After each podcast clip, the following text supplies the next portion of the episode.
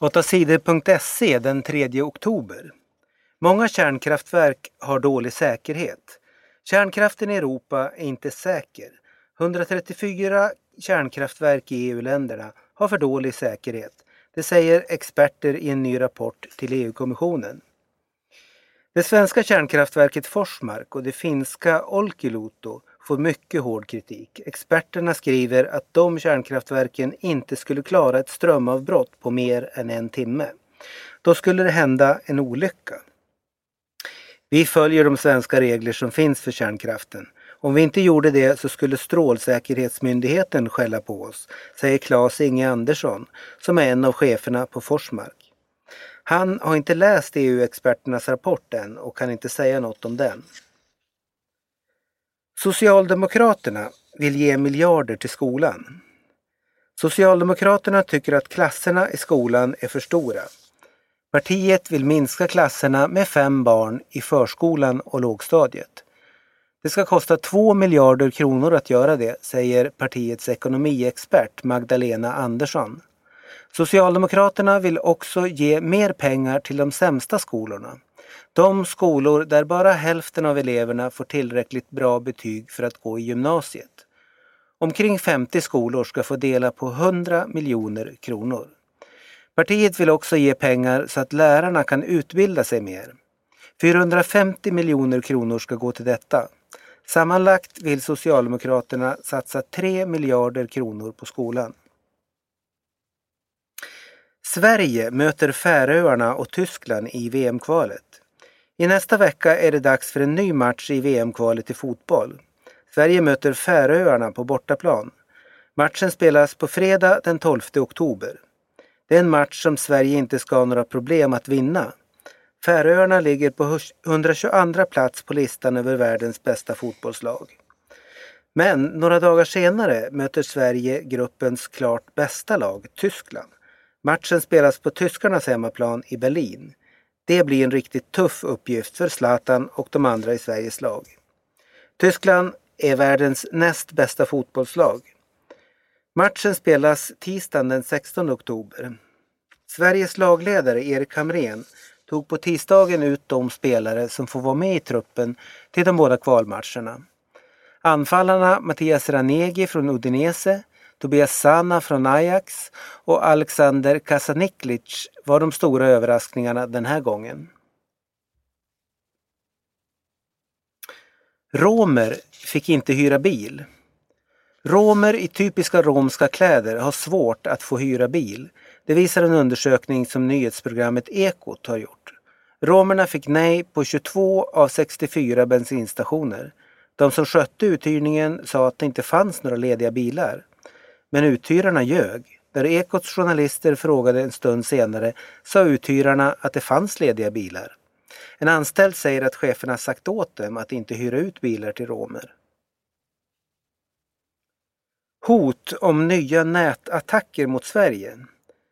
På måndagen kraschade internetsidorna hos bankerna SEB och Swedbank. Samma sak hände med internetsidorna hos SJ, Försvaret och nyhetsbyrån TT. Hackare attackerade sidorna och fick dem att krascha. Hackarna ville skada de här företagen. Vilka hackare som gjorde attackerna vet polisen inte. Men hackargruppen Anonymous hotar med nya attacker mot svenska företag och myndigheter. Gruppens medlemmar är arga för att svenska poliser stängt några internetsidor för nedladdning av musik och film. Experterna tror att attackerna mot svenska internetsidor kommer att fortsätta. Det här är bara början, säger Anders Hansson som arbetar på Myndigheten för samhällsskydd. Stor rättegång mot medlemmar i Hells Angels. På torsdagen började en stor rättegång i Göteborg. 19 medlemmar i motorcykelgänget Hells Angels är åtalade för misshandel. Åklagaren säger att männen misshandlade folk på en fest i våras. De som var på festen har sagt till polisen att folk i Hells Angels-västar rusade in på festen och började slå folk. Många på festen blev skadade. Hårdare regler ska minska fylla. Det är mycket fylla och bråk på färjorna som går från Stockholm till Finland och Åland. Nu ska polisen och färjeföretagen försöka minska supandet på färjorna.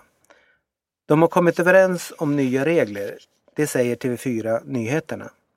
Det ska bland annat bli hårdare kontroll av de som går ombord på färjorna. Folk som är fulla ska inte få åka med. Det blir också förbjudet att festa i färjornas hytter efter klockan 11 på kvällen.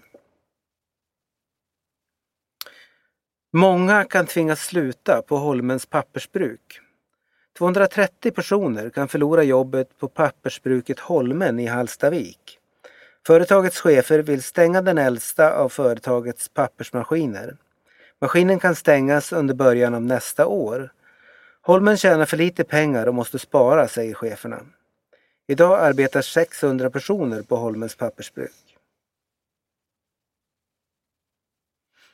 Nytt parti vann valet i Georgien. President Mikhail Saakashvili och partiet Enade nationella rörelsen har styrt Georgien sedan 2004. Men i måndagens val till landets riksdag förlorade partiet. Partiet Georgiska drömmen vann valet och kommer att bilda ny regering i Georgien.